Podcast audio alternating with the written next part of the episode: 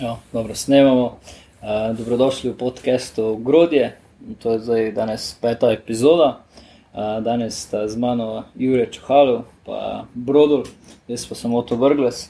Um, danes neke izdelane agende nimamo, bo pa je Jurek poskušal nas uh, vprašati, kako vidimo sodoben, sodoben razvoj brez uh, nekih uh, tradicionalnih setupov ali pa kako, bo razvije, kako bomo bolje razvijali softver v prihodnosti. Mogoče je neka taka tema, ki bi lahko danes obdelali med drugim. Super, tako začnemo. torej, uh, Oto, dolgoletni oddaljeni delavec za tujino, remote. Uh, Andraž, sumim, mislim, vem, da je delal že iz pisarn, uh, zadnje čase pa tudi dela uh, za oddaljene podjetja. Eh, včasih doma, včasih iz pisarne svoje. Um, zdaj, v luči debate o tem, da bi se delali štiri dni na teden, uh, je bil, sem zasledil zanimivo idejo tuje IT firme, ki je rekla, nehali bomo remote delati, ampak v zameno se pa uh, damo na štirdnevni štir delovnik. In zdaj, v bistvu, vprašanje za vaju je, ali ste pripravljeni v bistvu traditi, zamenjati svoj remote delo za delo v pisarni, pod pogojem, da se dela štiri dni na teden, pa recimo, da je finančna kompenzacija in tudi nek problemski prostor primerljiv. Ampak plača si že vedno pet dni. Plača si pet dni, ne, dela, ne moš pa delati remote, moš iti v pisarno, lahko pa delaš mm. pač štiri dni na teden. Hm. Ne, zdaj delamo v pisarni. Jaz tudi delam. Jaz delam, mislim, jaz eh, delam veliko, veliko delam od doma, ampak eh, še vedno pač koristim ta naš eh, coworking space. Um, težko mi boš lokalna podjetja, pa njihove izzive prodal. No, mislim, a govorimo to, da bom zdaj vodil, vozil se v neko firmo v Londonu ali Berlinu, ali pa bom v Berlinu živel, pa delal štiri dni v pisarni. A veš, te, težko, težko mi boš prodal ta. Torej, oto, ti si remote podjetja, remote izzivi, lokacijska neodvisnost. Lokac... Mislim, da jaz vidim to tako, da pač dovolj mi, da si izberem sam, koliko hočem biti v pisarni. Uh, pod nekimi pogoji, ki odgovarjajo moji ekipi, ki odgovarjajo mojim sodelavcem, pa tudi pač nek, nek, z nekim kompromisom ne bi pa zdaj rekel, moraš biti štiri dni na teden napisalen. Mislim, da je ta model ful preživeti. Posebej, če hočeš neke remote gige dela danes. Ne vem, da mi še ti, kaj vrš. Ja, jaz delam tudi pet dni na teden, pa delam prestranke tudi v pisarni. Se mi pa zdi, da to delo v pisarni je ful smotrno, če ti rešuješ neke arhitekturne pa strateške probleme, mm. pa se z ljudmi pač nekaj sinkaš. Če rabiš pa fokus tam kot executor, da moš pač nekaj kodati, je pa bolj spet vprašanje, ali ima to res prednost, pa zna biti mogoče pisarna celo še bolj moteča. Če si klasičen developer, mogoče malo manj, ampak če si pa tako nek ta engineering enablement, pa DevOps, je pa to tako, ne vem, jaz si čist ne predstavljam, da bi me skozi en neki polko za, za stvari, ki bolj težko tudi narediš neke te stvari. Pač fuludisno je od kulture, Pol pa, ful sem, ful mi, ful sem razmišljal o teh stvarih, ko pač ljudje imajo ročne nogomete v pisarnah.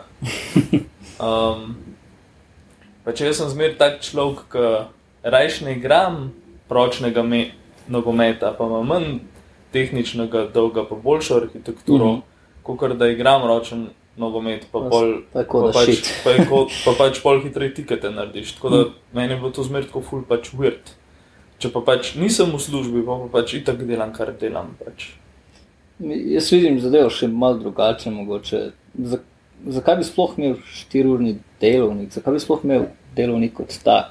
Mislim, um, razumem, da imaš neke, neke točke, ko se moraš z ljudmi sinkati, pa ko moraš nekaj skupaj narediti. Ne? Ampak zakaj bi sploh ljudem omejeval, se preostali čas? Veš, če imaš ljudi, ki naredijo izjemne stvari, polnoči ali pa, pa 11 zvečer, zakaj bi ta t, tako kreativnega, pa sposobnega človeka narekovaj prisilil, da hodi zjutraj, zjutraj v službo. Ne. Dobro, razumem, da, da hočeš imeti pogled, kaj dela kot, kot, kot menedžer, kot, kot, kot vodja, pa da želiš uh, neko kolaboracijo zveči vsega, I get that, ampak ne, če, če so ljudje boljši performani, kot delajo sami, to, mislim, da, da jim moramo prisluhniti. Kako v bistvu narediš pol neka pričakovanja? Ne? Neka firma ima praktično neskončno tiketa v Tesco, biznis si želi več, sales si te prodal, fikcijo. Uh, če ne moreš človeku reči, hej, to si naredil zdaj v 8 urah, pej domov, pa računalnik ostane v pisarni. Jaz mislim, da, da, da je velik trik je danes, kaj točno meriš. Spravi, a meriš eh, čas, ki ga bodo ljudje namenili nekemu tiketu, ali meriš njihov output, se pravi, meriš, koliko so sposobni value deliverati, se meriš, koliko so sposobni danes produkta deliverati.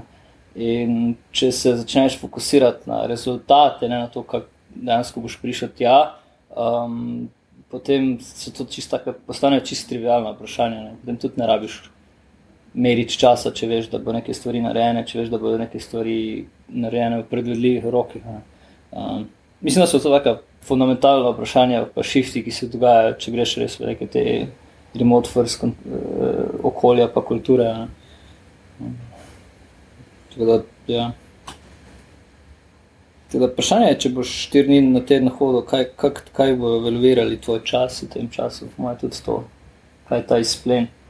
Um, a veš, če se brodala vprašam, koliko časa bo ne vem, neki upgrade, pa on pač da mi neko estimacijo, ki je relativno zanesljiva, pa če mu je zaupano, bo to naredil kvalitetno, pa po vseh svojih možnostih, pa bo mes lahko naprej drugim stakeholderjem jamčil, da bo to narejeno. Potem, je pač to največ, kar si lahko želim. In ne rabim zdaj brodola kot eksperta za svoje področje nadzirati, pa imeti konstantno pogled na vsako mikrodecizijo, ki ga on naredi. Ali pač. No? Uh, meni, meni je ful zabavno, ker pač ful, ful enih, enih uh, stvari. Um, pač tisti prej, komparison z ročnim nogometom, za me je pač to ta peti dan. Pač, jaz veseljem delam tudi pet dni na teden nekje. Pa če mi nekdo reče, hej, peti dan ti pa ni treba delati ultra produkt, focused feature, ampak lahko začnemo razmišljati tudi malo o ostalih stvarih, pol pač skoraj to delam, ker hitro si ti pol začnejo stvari podirati, pač čez par let, če tega ne delaš, tako da z veseljem naredim še 4 ure, pa ta peti dan for free, če ima to smisel. Um, pol to, pač to, da imaš te neke delovnike, pač to je v bistvu kontrakt med ostalo populacijo, da pač so ljudje, da imajo ljudje skupen prosti čas. Mm. Pač, in po mojem, ker naša industrija raste, včasih smo zelo, glede work, uh, workflowa, pa dela razmišljali zelo butično. Mm. Mi smo ti artisti v teh super butičnih. Uh, Cake shopih, ki delamo te fullepe tortice, zdaj pa naša industrija tako raste, da bo treba enih par industrijskih prijemov. Um, pa mogoče, mogoče se kdo s tem ne strinja, ampak um, po mojem je to pač kar bistveno. Pol, pač neke te ustaljene rutine ti pač koristijo, ko interaktiraš z ostalimi. Vrti so odprti do četrte, pa pete. Mm -hmm. pač, jaz se včasih rečem, nisem slovenskih praznikov imel prosto, pa sem si imel praznike od customerjev, mm -hmm. pa pač poslovnih partnerjev, zdaj pa delam kontra, zdaj pa pač jemljem slovenske praznike, zato ker sem pač poštudiral, da vem čisto ne korist, če optimiziram za customerja, pa pač vzamem takrat frej, ki ima oni frej, pa pač v, Sloveniji nimam nobenega, ki pač je takrat delovnik in pač vice versa, ker so vsi mm. frej, pa jaz nisem frej, pač to ful butast. Um, tako da, vem, jaz, jaz te stvari malo tako, tako, tako gledam. Um, Spravi, four-day working week, en, en dan, pa ti potem ostane za učenje, in, in bi to šlo. Ja, mislim, vse vem, tako se tako triki, a ne, pač fully, fully triki. Jaz sam pač nočem. To je, sko, to je ta problem, ki ti delaš v software inženiringu ali pa pač v developmentu, kjer se, kjer se enostavno um, imaš ta balans med da narediš nekaj dosti dobro, pa da narediš nekaj perfekt. Jaz pa rajš mičkam več časa spendam, pa naredim ne glih dosti dobro, pa ne glih perfekt, ampak nekaj vmes. vmes zato, ker to, kaj enih izkušenj imam, da pač vem, da, da če. Se pravi, pač ne rad igram ročni nogomet, jaz bi z veseljem delal še, še, še peti dan, ne, to pač ni tak problem. Um, pač, ali pa Laj si, si ga, pač fully odvisno, kaj ti štiri dni pomenijo. Ne? Če en reče, hej, isti workload imate, sam peti dan, vam ni treba delati, pol pa če rečeš, delam pet dni.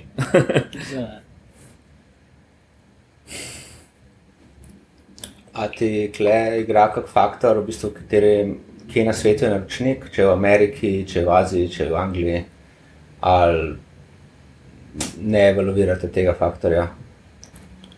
Ja, meni, meni je fully pomembno, da je naročnik plus dve uri mojega time zona, ki pač mene fulutruje delo zvečer. Um, oziroma, glih, takrat, ko imaš sestanke, to se pravi. Če ti delaš z nekom, ki ni v tvojem časovnem pasu, pa imaš najbrž sestanke, jaz pa ful slabo performam zvečer na sestankih, pa mi pač ful pomembno, da smo v istih časovnih prostorih.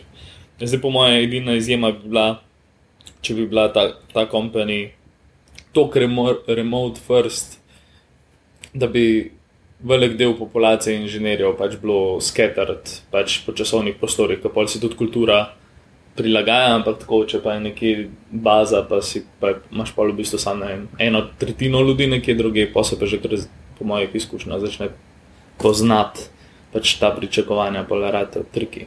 Um, tako, ne vem, kako je to vama. Pač, jaz se probujem temu izogibati. Pa zdi, pač Evropa je tudi dosta velika, tako da nečemo ni, ni problem. Jaz sem delal uh, pred časom krveč velik za američani. Um, tam, je, tam je bilo pač ta, vsi sestanki, vsa kolaboracija, pač večino potem se začne po podanskem času, pa večernem času. Um, kar je bilo mi kriziv takrat je, da ker je bila firma recimo bazirana, pa ker še vedno neka moja rutina bila jutranja, da se mi potem zdelo, da dejansko se mi je delovni dan raztegnil čez cel dan.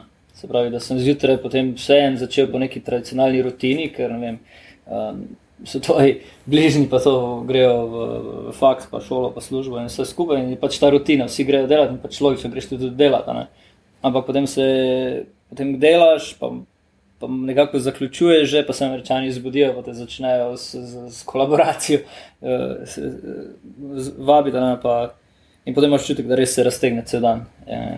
To, to, to, to mi ni to dišalo, to sem imel kar težave, um, ta balans najti. Zdaj tudi, tako si ti rekel, zelo podobno, pač zdaj delam večinoma za neke angleže.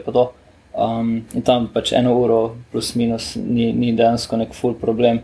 Um, še vedno se lahko prilagodiš, pa, pa, pa to, to deluje. No? to mi je predvsem lažje, vse zdaj, ko imam pač otro, otroke, pa jih moram vrteti splat, pa vrt, iz vrca pobrati, kar si, si prej ti omenil. Um, teda ja, to pravim koristiti. Uh, načeloma pa tudi, a veš, danes uh, se v teh mojih krogih pač Slack je neka async uh, komunikacijska platforma, kjer si, kjer, uh, si prisoten, pa hkrati nisi prisoten in ko te nekdo rabi, boš odgovoril, ko boš lahko, oziroma pač uh, um, ko si zraven. Um, teda, to se mi zdi, da se je kar izpostavilo kot nek tak sodoben način dela s temi remote firmami. Um, pa da se zaveš na drugi strani, da ko nekoga pingneš, da oni ni preračunalnikov, da bo, ko bo lahko in vice versa. Poskušali smo pa spostaviti neke take eh, redne mitinge, pač, ki so pač scheduleni, na tisti se pričakuje, da si. Uh, ostalo je pa v bistvu stvar, kako se posameznik organizira. Um, poskušal sem na nek način organizirati, da imaš nek overlap s, s ljudmi, s katerimi pač moraš imeti uh, kontakt, pa potem pač tudi neki handover in podobno, če imaš nek uh, um, dnevni monitoring. Okay. Um, kaj pa ti praviš, Jure? Na katero od mnogih vprašanj? Ker okol hočeš. Ti si zdaj nekaj časa na novo v emocijskem engagementu. Jaz res že deset let delam z različnimi mm -hmm. ameriškimi pač, partnerji mojega podjetja. Uh, Meni to zares zelo ustreza. Mm. Ustreza mi, da da imam dopoledne zelo prosto, da če želim delati, delam, če želim greti, ne vem, plezati na poraznih kavah, tako mi ustreza. Uh, onboarding v tako firmo je navadno naporen, ker se mhm. ti zgodi kar serija več tednov, zelo več nekih usklajevalnih vodnih sestankov. Pa je pa moja izkušnja, da firme, če imajo dobro razvito vodstvo in kulturo, so zelo tak dober takoči trak. Mm. Ne vem, veš, da imaš, ne vem, torek ob šestih, pač pol ure sestanek. In je tako, kot da bi imel pač torek ob šestih fusbal. Pač mm. Takrat te ni uh, in se vse družbe socialne stvari zmeniš pač ali ob sedmih ali pa pač prej ob štirih. Um, druga zadeva, ki sem videl pri američanih konkretno, je, da ful razumejo, da je pretep tema, da je pretep večer. Da, ne vem točno zakaj, ampak oni predvidevajo, da če ti rečeš, da je pretep že malo tako zvečer, pa pozen, oni to slišijo, da je pretep deset po noči in da si tako že čist sesut. Okay. Čeprav je klej mogoče ura sedem. uh, in tako da s, te, te, ta, s tem nikoli nisem imel težav. No? Uh, pa večja, ko je firma, v bistvu mi zanimivo tudi. Uh, več komunikacije potrebuje in stvari se počasneje premikajo. Uh mhm. -huh. Sem delal z zelo mehkimi ekipami, ki si res lahko vse na enem sestanku naredil, do večjih ekip, ki moš napisati dokument, pa pa ga ljudje malo gledajo, kako teden, pa piše komentarje. In ta sinhronost in nek ritem ti tudi v bistvu dosta umakne to, te probleme večerne komunikacije, recimo iz naše perspektive. Zdaj, jaz sem sicer pač software inženir ali pa recimo, ki se malo s produktom ukvarja. Uh, nisem recimo tako kot Brodol, kjer ko stvari gorijo, te kličejo. Uh, to, da bi mene klicali, da moram neke stvari popravljati, Mm.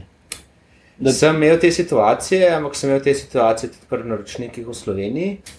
Uh, Kaj sem se predvsem naučil, je, da če postavljam stvari na novo, če bom še, še kdaj delal z manjšimi naročniki, pa bolj osebni kapaciteti, bom bistveno bolj definiral te SLA-je. Mm. Koliko časa je spletna stran lahko nedosegljiva, koga se kliče, kako grem jaz na dopust, kaj se zgodi, če so prazniki kaj se zgodi, če sem jaz nekje v tujini. Uh, to, no. da, da, da ti dam neko kost. Um, Imate Slack inštaliran na svojih telefonih, pa, pa mail, ga berete tudi v, v, v, v prostem času. Ja. Dejansko, pač, če, dejansko... če te bo pingal nekdo iz, iz, od stranke ob 8 zvečer, boš še reply, verjetno. Okay bo prišel message do tebe, recimo na Slack. Zanimivo. Boš, boš dejansko engageal. Ko, ko se zjutraj zbudiš od tega, yeah. Ja. verjetno odpreš social medije. Yeah. Ja. Ker se je čez noč svet zgodil. Yeah. Ja. Uh, isti občutek imam jaz, v bistvu zjutraj se zbudim in pač odpreš Slack in pogledaš. Pač, Kaj je recimo Gigantron, snimamo yeah. spat ob dveh po noč, pa je pisal nekaj stvari na random. Mm -hmm. Tako je tudi pač so ti moji naročniki v bistvu srednjo či pisali mm. na Slack stvari. In malo pogledaš, kaj se dogaja. Če neš drugega, kjer je nove meme, so nalimali. Ampak to delaš takrat, ko sam želiš, ali takrat, ko se ti naberejo notifikacije. Imaš notifikacije vklopljene za, za vse te stvari? Sam, če je direktor menšan. Okay. Če je private message, uh, pa zelo jasno imam in te uh, working hours nastavljene in notifikacije. In cel telefon gre v bistvu v dono, da strmo od 10 po noč uh -huh. do 7 zjutraj, tako da. Mm, Te ne moti. Ja. To me ne moti. No. Bolj če bi tako idol po telefonu, pač kliko. Ti uh, imaš bolj pomemben job, kot ti. ne, ful je, ful je zanimivo, zanimivo vprašanje, ker je ful odvisno od naročnika. Uh, se izkaže pač za tle, ki delam več največ svetovalnih ur, nima, pa tudi ne vem, če sploh bi smel imeti, moja da ne.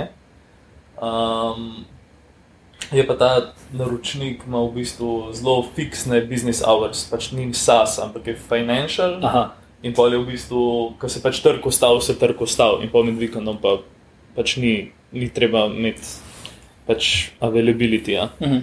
Um, pa je pač fully odvisno. No. Se pa strinjam z Juretom, da je fully pomembno, managing of expectations je fully bistven. Pač jaz nimam zdaj neke klasične role, ki bi bil on call, pač anatko consulting, pa mm. pač tisti tist mi pride mail, pa bom pač pogledal, pa če je nekaj, kar lahko reasonably hitro odgovorim, bom odgovoril, sam ni več nekaj, kar bi mogel jaz delati, ampak je pač bolj, so pač mnenja ali pa, ali pa nekaj, kar pač tako jim iz glave. Um, uh, drugače pa to glavni problem, ki sem ga imel v preteklosti, je pač. Vsi implicitno želimo, da so vse storitve pač na voljo. Mm. Um, vse je nujno. Pa, pač seveda, vse je nujno. In pol pač imam različne prijeme, kako pač ljudem pač probaš razložiti, da pač, če, sploh, če, če so to neka srednja mala podjetja, ki si pač tipično sam nek ta platform inženir, SRI, whatever. Pač ljudem pač malo razložiš, hej, jaz sem zdaj sam, pa jaz sem full za agile, sam tako lahko nimamo opetki teplov produkcijo, čeprav so full avtomatizirani, pa robustni, sam jaz bi še zmeraj tako pač v petek šel v kino, spiti eno pivo, pa jedo kokice in pa v kinu pijan vam full težko pač pomagam.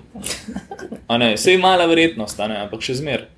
Če pa ljudje rečejo, ne, ampak mi moramo res tako skozi delati, pa, pa pač rečeš, le, to je pač rešen problem, štiri izmensko delo, pač ti sam gasilce pogledaš, pa rečeš, ok, mi moramo imeti zdaj manpower, pa organizacijo delati kot kar pač neka profesionalna brigada, kaj zdaj to pač pomeni. In pa ne, če delam za startupe, je en izmed strategij, naprimer, je, da pač imaš v vseh time zonih več platform inženirjev in pa je to najbolj happy za customerja, ker pač unčlov, ki je takrat puden, je mu naravno pade noter v, v business hours in je pokrije un spektr in tako dobiš v bistvu pa lahko kar hit, hitro odzivne čase. Um, je pa pač res, da zdaj, kad delam za malo bolj resne stranke, so te stvari tudi bolj definirane notranje, znotraj organizacije, pa neka kultura. Pač mm. v teh manjših, v manjših podjetjih si pa ti v bistvu deklica za vse. Ja, pa tudi sam sebi setaš expectation, yeah. Ja. krati customer, pač odvisno, kako se pustiš. Kleb je ena zanimiva stvar omenil, okoli te sleko, pa sinhrone kulture. Um, ko delaš v neki pisarni, v neki mali ekipi, te tipično ljudje ščitijo pred zunanjim mhm. svetom mm -hmm. posla. Uh, in zdaj, ko se te organizacije tudi pač marsikateri naročnik je v teh parih letih zdaj prišel ali na Teams ali na Slack in je v bistvu bolj ali manj odprl vse kanale za celo firmo. In, in se v bistvu moraš naučiti, da ja, tam ljudje govorijo, ampak tako, ko hodiš po nekih pisarnah in greš mimo vse ene sobe in mogoče delaš kavo in preslišiš del sestanka, ne pomeni. Da moš takoj nekaj sprogramirati, ali pa da bo vse sesula. Ja tako pomeni, da ko si na nekih sled kanalih, kjer se sprašuje in debatira stvari, uh, še zmeraj treba ljudi prisiliti ali pa vprašati procesa. Pa reč, pač, če te vprašajo za mnenje, ga podaš, če se pa pač produkt, pa sales nekaj pogovarjata, na koncu dneva. Je tvoje mesto, da to poveš takrat, ko se dela vem, sprint planning, ko se tikete definira. Prej boš samo motil.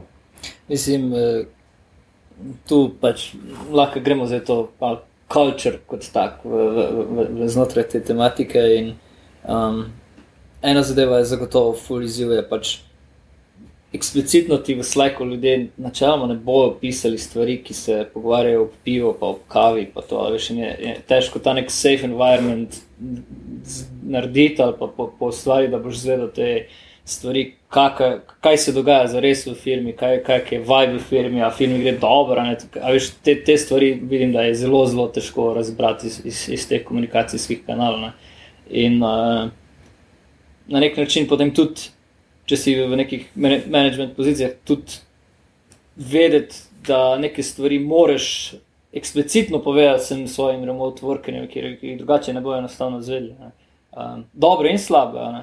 Um, ta, ta del se mi zdi, da je, da je, da je kar en tak velik manjko, pa um, da ljudje res razberejo, kaj je pomembno, kaj ni pomembno, kljub temu, pač, da je nekaj napisano ali pa ni napisano. Um, ja, jaz mislim, da je pomembno, da vsaj en del menedžmenta redno dela iz neke druge ja, mesta. Ja, tako ja. da pa če tvoj vodja prodaje ali pa tvoj tehnični direktor je v drugem mestu, bo, bo pa v bistvu od zgoraj na dol prišla ta remote, delno jesen kultura. Kaj se, kaj se nam je zgodilo, recimo pri, pri prejšnjem stranki, je, ko je postal ta COVID, pa smo šli vsi v remote delo, ker ni vsi v Dansko mogel več eh, remotne. Je prišel do mene pač product manager, pa pravi, E, jaz vas občudujem, fanti, da dejansko funkcionirate s, inf s takimi informacijami. Pa glih to, kar ti praviš, da je acknowledge, da v bistvu premalo informacij dajo od sebe. Veš, in da se dejansko postaviš, to, kar si rekel, da se postaviš v vlogo, ej, kaj pa moji ljudje res rabijo, da bi lahko eh, delali. Ko, kje, kje manjka informacij, kaj jim moram povedati, kaj moram pripraviti, koliko naprej morajo imeti uvid v poslovne odločitve, da bomo lahko dejansko uh, reagirali na njih. Um, ker potem tudi ljudje imajo različen pristop do, do, do reševanja problemov, pa prioritetne. Um,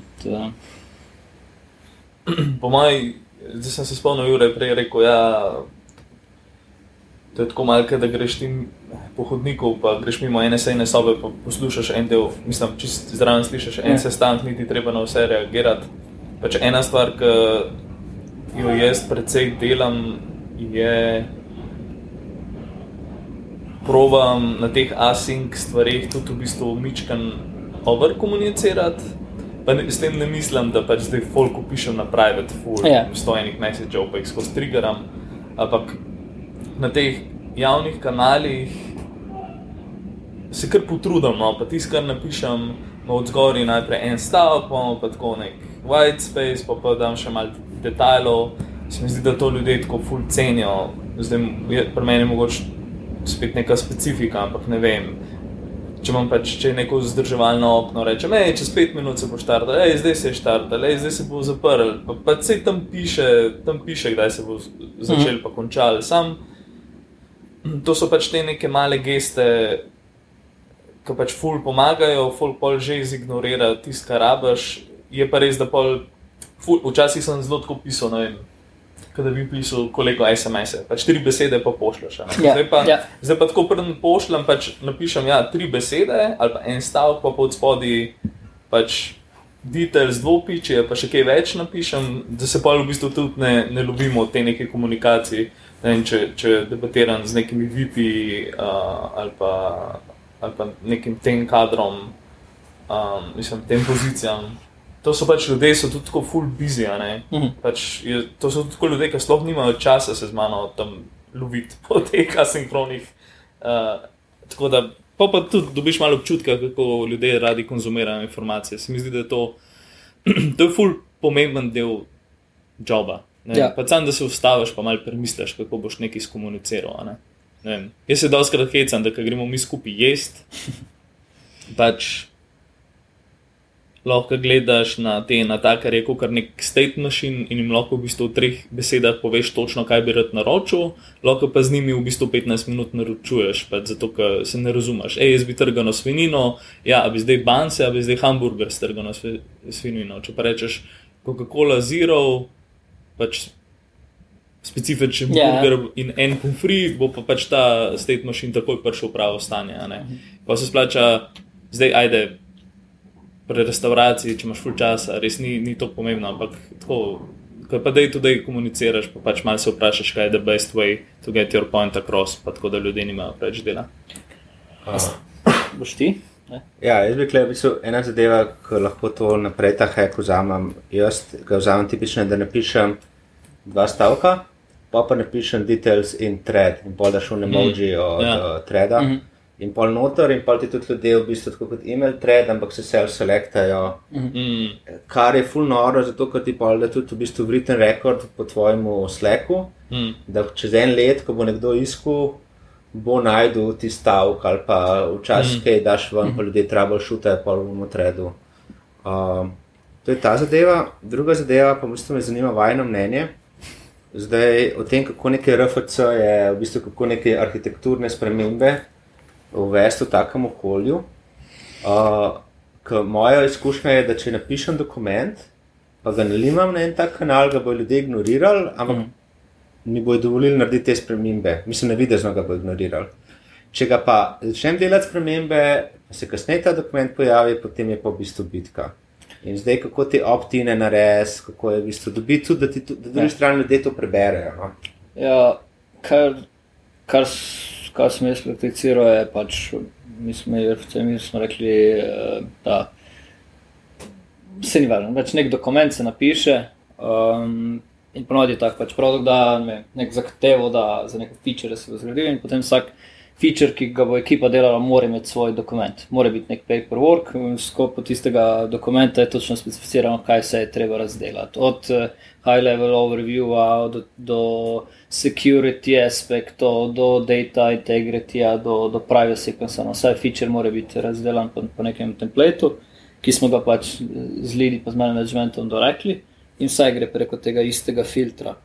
Um, in pač naloga arhitekta ali pa menedžerja je, da pač pripravi ta draft, da se ta dokument napiše uh, in da se pač ta osnovni jedro, biznis aspekt se, se, se, se napiše skupaj s produktom. To pomeni, da dejansko vsi govorimo o, isti, o istih pričakovanjih, o istih rezultatih. Um, potem pa se sestavi ponovadi manjša delovna skupina, ki to prebere, pa potem dejansko napiše, ne vem, to bo API, to bo implementacijski detajl na backendu, to bo implementacijski detajl na frontendu. In so dejansko ljudje, manjša delovna skupina, potem tehnično ta zadevo preživeči, potem se pa to uh, predstavi, ponovadi. Na, to je nek feature, ki ga bomo delali. Potem, ko smo razdelili tehnično specifikacijo, kaj se bo implementiralo, se tudi lažje izpostavi ta neka časovna estimacija, ki jo moraš dati za, za, za product management. Um, in to je ponovadi, spravi, vsi akteri, od produkta, biznisa, dizajna. Do tehničnih implementatorjev so seznanjeni s tem dokumentom in vejo, zakaj se gre, preden gre, gre zadeva v implementacijo. Um, hkrati pa paš, imaš, v bistvu, probaš zlinkati preteklo delo na določenem featureju, pa hkrati neke novosti, ki, ki bojo, bojo spet referencirane. Da, da imaš nek ta klaster vsebin, na katerih delaš, eh, zgrupiran. Um, ponovadi je tako, no, ampak je pa prišli smo do tega, da zelo eksplicitno zahtevamo, da ti dokumenti morajo biti napisani celo dokumenti se potem klasificirajo, grejo v ta OPEX, CAPEX, se pravi, da je to neki operational, eh, operational strošek ali nekaj, kar bo value dodajalo firmi. Ja. In mora vse biti eh, na ta dokument vezano. In če greš kot inženir delati nekaj, kar nima papirja, si, si v bistvu on your own. Ne. Obstaja seveda nek, nek, eh, nek, neka kvota dela, ki ga narediš mimo, ampak načeloma bi tudi to delo moglo biti nek, nek eh, linkano na ono. Um, ja, zdaj. Ja, jaz bi tudi rekel, da ja, hočeš imeti feedback, hočeš imeti feedback od relevantnih ljudi, uh, hočeš imeti dovolj, dovolj poglobljen feedback. Uh, in nikoli ni nič narobe, po mojem, če relevantni ljudi dejansko povprašaš, ali imaš feedback, ali si prebral to, kaj misliš o določenem detajlu in ga v bistvu na nek način ljudi izzoveš, da ti dajo, ane, da preberejo. Um, ali pa da jim na nek način preneseš odgovornost. Pravi, potem se tudi ti, Jure, strinjaš s tem, kar sem napisal v dokumentu, in posledično postane odgovoren na nek način. Ne? Tudi to na nek tak način. Um, zdaj, če jaz napišem dokument, pa ga sem vržen, tega noben ne bo prebral. Ne? Um, Kako lahko poskusiš, če ljudje berejo, da pač napišeš nek uh, lorem ipsum ali pa napišeš nekaj komentarje, pa boš videl, Vem, če si prebral to, mi pošlji mail, ali pa ušijo, da noben ne bo. Vem, ja. Ti si še bolj znan, potem da dobro znaš doksi pisati. Kudos na to. Hvala. Hvala. um, jaz napisanje dokumentacije ali pa teksta gledam cirka tako. Pač, jaz tam nikoli nisem razumel, zakaj v srednji šoli ti pišeš eseje na neko temo da vem, kralj na Betajnovi, pa pa starejši, ki sem v inženiringu, bolj razumem, zakaj sem to delal.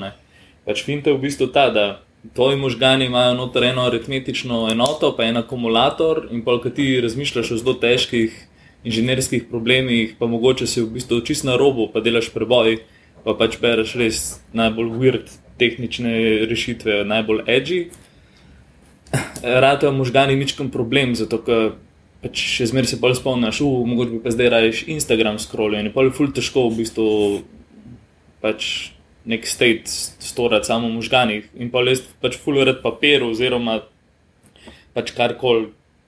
Markdown file ali pa Confluence page ali pa whatever uporabljam v bistvu kot nek pripomoček, da mi, da mi rata spisati boljši, bolj kvalitetno strategijo ali pa bolj koherentno strategijo glede nekega problema ali pač karkoli, ali pa ne, naj se gre neko filozofsko razmišljanje. Pač se, vem, da se to zdi full high level stil, sam pač meni res pomaga pač svoje misli organizirati, da lahko pišem. Pač to je prvi point, ki je.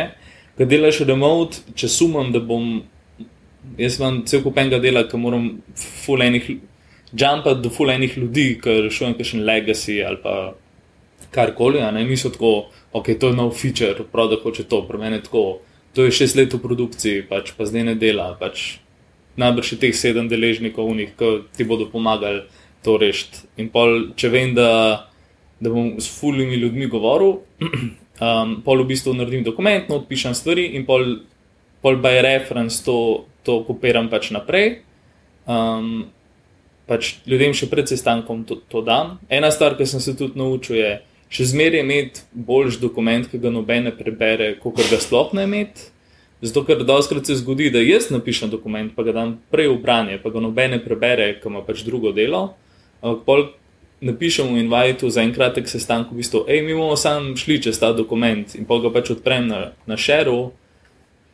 in pa zdelim mu ne točke. Ne? In vse ljudje že itak, ljudje, to je fully odvisno od kulture. Ne? Nekje ti bodo rekli, da to mi prebrali, pač to je brez veze meeting. Nekje bodo pa rekli, ok, hvala, ker si mi bukal čas, da lahko zdaj to pogledam.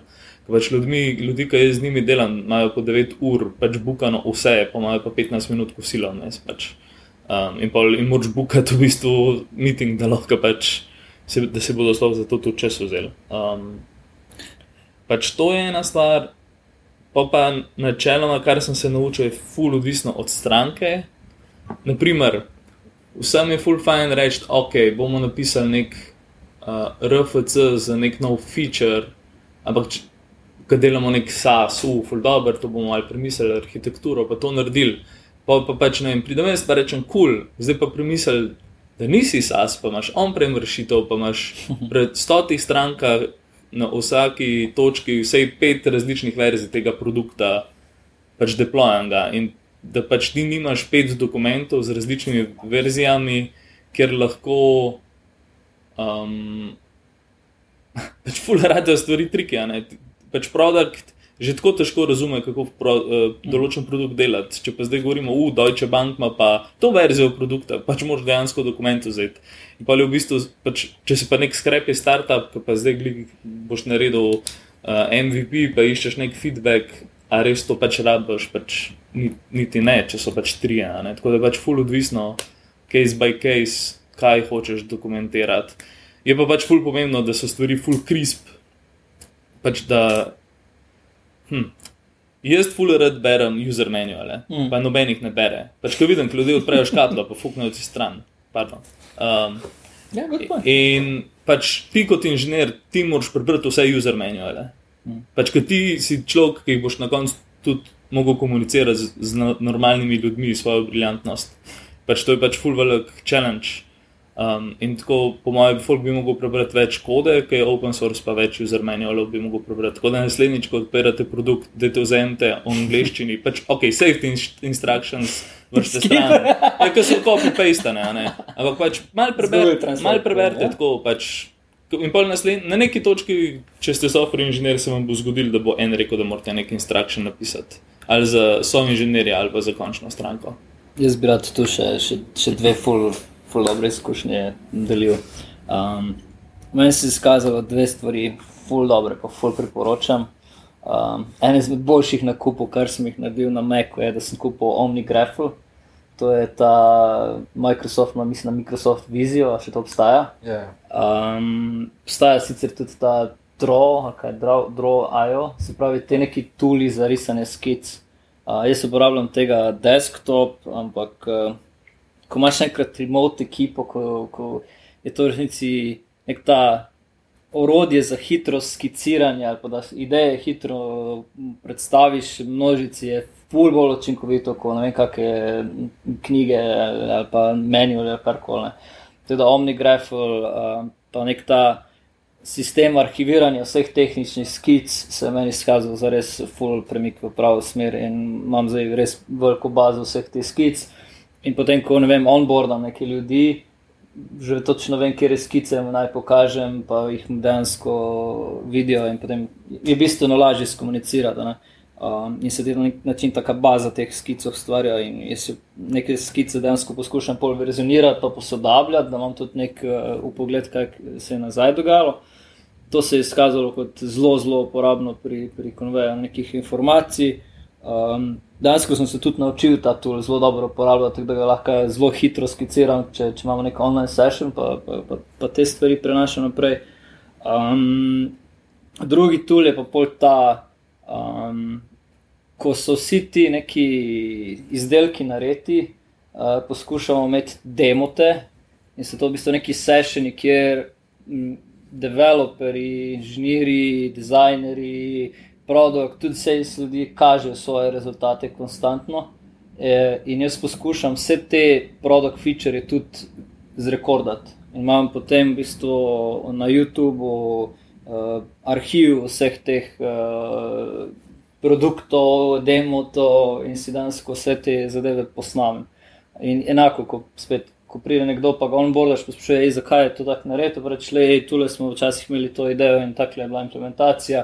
In ta video dejansko polostaje arhiviran. Dejansko, uh, ne bom rekel, da so uporabni mitingi, čez celo mitinge snemaš, ampak sam tako je izgledal produkt, uh, takrat pa takrat, tako se je obnašal, tako je UAZ in dejansko ljudje pol. Uh, lažje vidim, imam cele zbirke teh uh, videoposnetkov, pripravljenih bistvu za nazaj. Sprav, eno je te skice prej, pa pol video je potem. Uh, ena kultura, kultura na to forum, ko se reče yeah. z YouTubeom, je Loom. Yeah. Loom.com ti da v bistvu en tak applet uh mhm. -huh. in imaš, ki ti v bistvu skozi gor v toolbaru, uh mhm. -huh. ga klikneš in ti polo mogoče v bistvu do 5 minut snemat. Um, v bistvu screen recordinge. Uh mhm. -huh. In zdaj cel hack je, da rečeš, da je posnem ti ta loom, pa ga kar šeri v bistvu na Slack. Uh, zato, ker. A tudi zvid, zvok snemaš? Tudi zvok, pa tudi v en krogec ti da tvojo faco, če Aha, hočeš. Okay pa mm, klike ti kaže, pač je en proper, kot kakam teža. No? Uh, in pol, za razliko od YouTube, ki ti problem, so ti pol premišni, yeah, ja, pa yeah. Ja. onboarding, ne, je zadeva se prodaje kot pač SaaS produkt uh -huh. uh, in je nice. Zato, ker je nice, ker lahko pol v bistvu naučiš support ljudi, da ko reproducirajo bug, posname Loom, QA ljudi. In tem kup enih zoom sestankov se ti ne zgodi, zato ker ljudje preprosto ti pošljejo dvominuten video. Mm. Uh, tako da to je mi bilo, to je mi tako zelo zanimiva fora, ki bi si jo želel v kakšni prejšnji firmi imeti, pa takrat za reči ni obstajala. Um, druga stvar, ki sem pa videl iz zapisanih dokumentov, je doskrat fajn, ne, ljudje imajo močne mnenje, ampak jih raje razlagajo, kot da bi jih napisali. Mm. In pa je z njimi ful dobro imeti na res Zoom session, odpreti nek dokument na svojem skrinu, share screen in pa pisati bulete ja. za njih. Ja. In oni to gledajo in te pač popravljajo, ampak ti pa tipkaš za njih. In pa, ko zaključiš te glavne misli, uh, si kasneje umiril, v bistvu narediš ta editorial proces, kjer te skupne zapiske spravaš v nek mm. besedilo, počistiš slovnico. Uh, in pa, kar sem gotovo, da pa, ko so enkrat te stvari napisane, uh, se lahko pa premakneš v neko fazo zbiranja feedbacka in exekucije in premakneš ljudi iz tega lupa, ki so lahko tudi zelo dolgo v njemu. Mm. Včeraj smo z Juretom govorili, da, da je pač obstaja en full ugly hack, ker je ti lahko vtikati, da kdaj napišeš v bistvu če ne veš, lahko napišeš lažno informacijo. Uh -huh. Pa če si zemo na kolu, bodo ljudje trigger, pa jo bodo popravili prav. to, pač, ja. to sem opazil, da ljudje tako delajo na meni, pa, pač fulje naj, zato ker v bistvu engageaš ljudi. Da ljudje to kres. Da ja. grejo pa. Ja, ne, tako da bi šel jaz vem, na filofaks, na slovenistiko, pa ker ne znam, ful, ja. znam ful slabo slovensko, da bi kar nekaj začel pisati na tablo bi mi ljudje, po mojem, laufali gor po tablo, pa mi popravili pravilno. Ampak tako pač na koncu dobiš v bistvu tudi nek kvaliteten izdelek. Pač to je en tak, eh, how to engage with the crowd eh, koncept. Ej, jaz bi šel, malo bi šel nazaj na, na, na to, pa, pa se, se bom navezal na to, ampak ste bila kdaj v kakem kolektivu na Slacku, ko nekdo napiše neko njemu blazno smešno šalo, neko, a pa prilepi nek mim, neko sliko potem se aktivira HR, potem ta Slack zgine in potem se ta kultura šal je lahko zelo različna, od ekipe do ekipe. Lahko imaš eh, tudi lokalna kultura, dejansko vpliva kulturo na Slacku, pa remote kulturo in nekaj stvari, ko so. Ko so nekje zelo smešne, pa zelo relevantne, nekje pridejo na zelo neplodna tla, ali pa so lahko čist eh, napačene, razumljene. Um, ampak po drugi strani to tudi neka ta sproščenost na nek način tudi diktira kulturo, ki, ki, ki jo probaš eh, imeti ali pa gojiti. Mislim, iz moje perspektive, kot zunani sodelavec, ja. ne, v bistvu, pač, če si zaposlen, si na bolj, boljši poziciji kot zunani sodelavec, ko dela na projektih. Mm. Tam se pač, iz moje perspektive, si zelo omejeno lahko v bistvu prijateljski z ljudmi, pa definitivno moraš imeti tudi držo profesionalca. Mm. Boš biti bolj profesionalen, ko so oni na dober dan, moraš biti na svoj slab dan, vse je to profesionalen. To pomeni nobenih memov, pa tudi emoji so zelo tako. Uni tri smajli, pa mogoče en zadržano vse smajli. Mm. Uh, ker vse ostalo, po mojih mojem mnenju, bo na robe razumljeno. Mm. Ja, jaz, se, jaz se čist strinjam. Kaj pa vice versa? So kdaj naredili drugo šalo, pa vidno niste razumeli. Bolj pa kulturno. Ne vem. Jaz sem pri teh stvarih ful bolj previden, mm. mislim, ful sem previden. Tudi na tem podkastu, pač, ja, se ta podcast je pač full relax. Sam nekdo, ki ga zdaj posluša iz ene pisarne, ful ne razume dinamike, ker yeah. Ja. pač ima ta pisarna, ko pač, ti poznaš tako pet let, če zdaj le povem, tako en insiderski joke, bo to tako ne, ful neprimerno pač za, za R. Um, tako da pač ja, je treba, treba biti ful, ful pazljiv. Pač, um, ne vem. Jaz, če sem pol v, v nekih kolektivih, ker ljudi pol še osebno poznaš, pa hočeš pokati neke šale, ali pač bolj zamenjati pač komunikacijski kanal, če si res ne moreš pomagati. Pač, ok, sploh, ki si mlajši. Pravi, poleg Slacka imate še Telegram. Ja, za... pač, za, pač, ja, pa dejte, a ne. Ampak tako, če, če si res ne morete več pomagati, se, se mi zdi, da ne vem, mislim, če dali manjši rč po temu. Ampak je boljši med drugo platformo, kot Drug, pa pravi pač, channel. Ja, ne, ne, drugo ne platformo. Ne, pač vse teh platform je dost, tako da. Jaz mislim, one. da je kar dober assumption, da karkoli napišeš v računalnik, ki ga kontrolira tvoj naročnik, ali pa v ape, ki kontrolira tvoj naročnik, da to je zalogirano forever. Hmm, ja. Raj, tako, čist hekersko bom rekel, hej, me izrihtam sek ops, pač pa, pa pač bo full paranoičen. Pač, tako, kot da bi hekal neke stvari. Uh, Črno, bolj na črno ali pa sivo, pač tako, tako si pol, če, če hočeš en min postati. Ne vem, no, jaz sem, jaz sem pač ful, ful previden, že tako pride do nekih nerazumevanj, tu pa tam, kdaj. Um, tako da. Imam, imam še eno, verjetno relevantno ali pa, ali pa tudi ne. Um, verjetno to zdaj ful poslušam podcast med HR menedžerji, ki na veliko rekrutirajo ljudi po, po, po, po, celi, po celem svetu. Um, a mislite, da je remote način dela ali pa remote development način dela za vsakega primera? A bi komu odsvetovala remot način dela? Ali moraš biti juniorjem? Juniorjem. Manj kot pet let delovnih izkušenj. Razloži, zakaj misliš. težko se naučiti neke te kulture, pa pogovorov, če si junior. Uh, mislim, da zdaj ta pisarna je imela veliko teh izkušenj, tako skozi kiberpipo, kot tudi potem skozi pisarniško delo v pisarnah in diskusije, ki so se dogajale ob kosilu, ob kavi, uh, jih ne moreš dobiti, če delaš od doma. Kar pomeni, da boš mogoče lahko spremljal kakšne diskorde, mogoče najdeš kakšne sleke, ampak ne dobiš relevantnega hands-on experience pa feedbacka od vrstnikov, ki mogoče niso tvoji menedžeri. Tako da tle nisem prepričan, kako bi on boardu juniorja v neko zelo remote kulturo. Ja, jaz bi se strinjal. Pa še fully bizarno, zato ker mi smo zdaj v Gigatrons IO in smo v bistvu vso coworkeri, mm. kako se temu reče? Yeah. Cimri. Cimri. Cimri. Cimri ja. ja. In pač dober razlog je za to, da smo tle, pa, pač nismo doma. In se je pri meni en razlog ta, da pač vsi delamo na različnih projektih, ampak pač me, za me je pač full valuable nek ta čič čet, ki ga imamo ob kavah. Um, če imam neke networking eh, stvari, grem lahko vedno do Andraža, pa ga vprašam. Um, vem, ej, jaz že full časa nisem delal alokacije, full velikih omrežij, da mi to malo pomaga. Tako da se vem, da je to malo random, ampak se mi zdi tudi polka si. Mene, se, mene skrbi, da če bi jaz delal osamljen doma, na mm. remote, mm. pač pa bi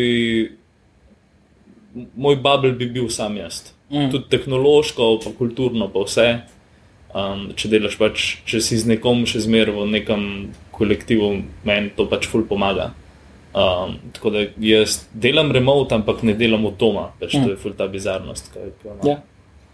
ja, jaz se, se strinjam. Jaz, jaz sem vedno pač poskušal te ekipe iskati ljudi, ki so bolj izkušeni, pa samostojni. Ne bi rekel, ono, junior, mid, whatever, ampak samostojni v stilu, da karkoli bo pač problem, bo, bo, bodo ljudje sposobni nekako formulirati, vprašati ali pa dejansko. Bolj celovito, pa široko nas pristopiti. Zato pač moraš določen, določene, določene veščine usvojiti, kot se reče, se popolnoma strinjam. Um, Tako da, ja, težko je tudi mentorstvo ponuditi na, na, na remote uh, arrangemente, pa moč zelo eksplicitno delati s tem. Um, ampak ja, tu so zagotovo čist neka, še nek nabor izziv. Dobro, a nam bo že zmanjkalo kartice. No, smo v redu. Smo v redu. Dobro, potem pa bomo zaključili, pa bomo povabili naše goste, da če, naše poslušalce, če imajo kakšne predloge, uh, komentarje, feedback, da se nam javijo, da bomo lažje nadaljevali z temi seansami. Brodo, Jure, hvala lepa. Hvala, to. Hvala. hvala. Čau, čau.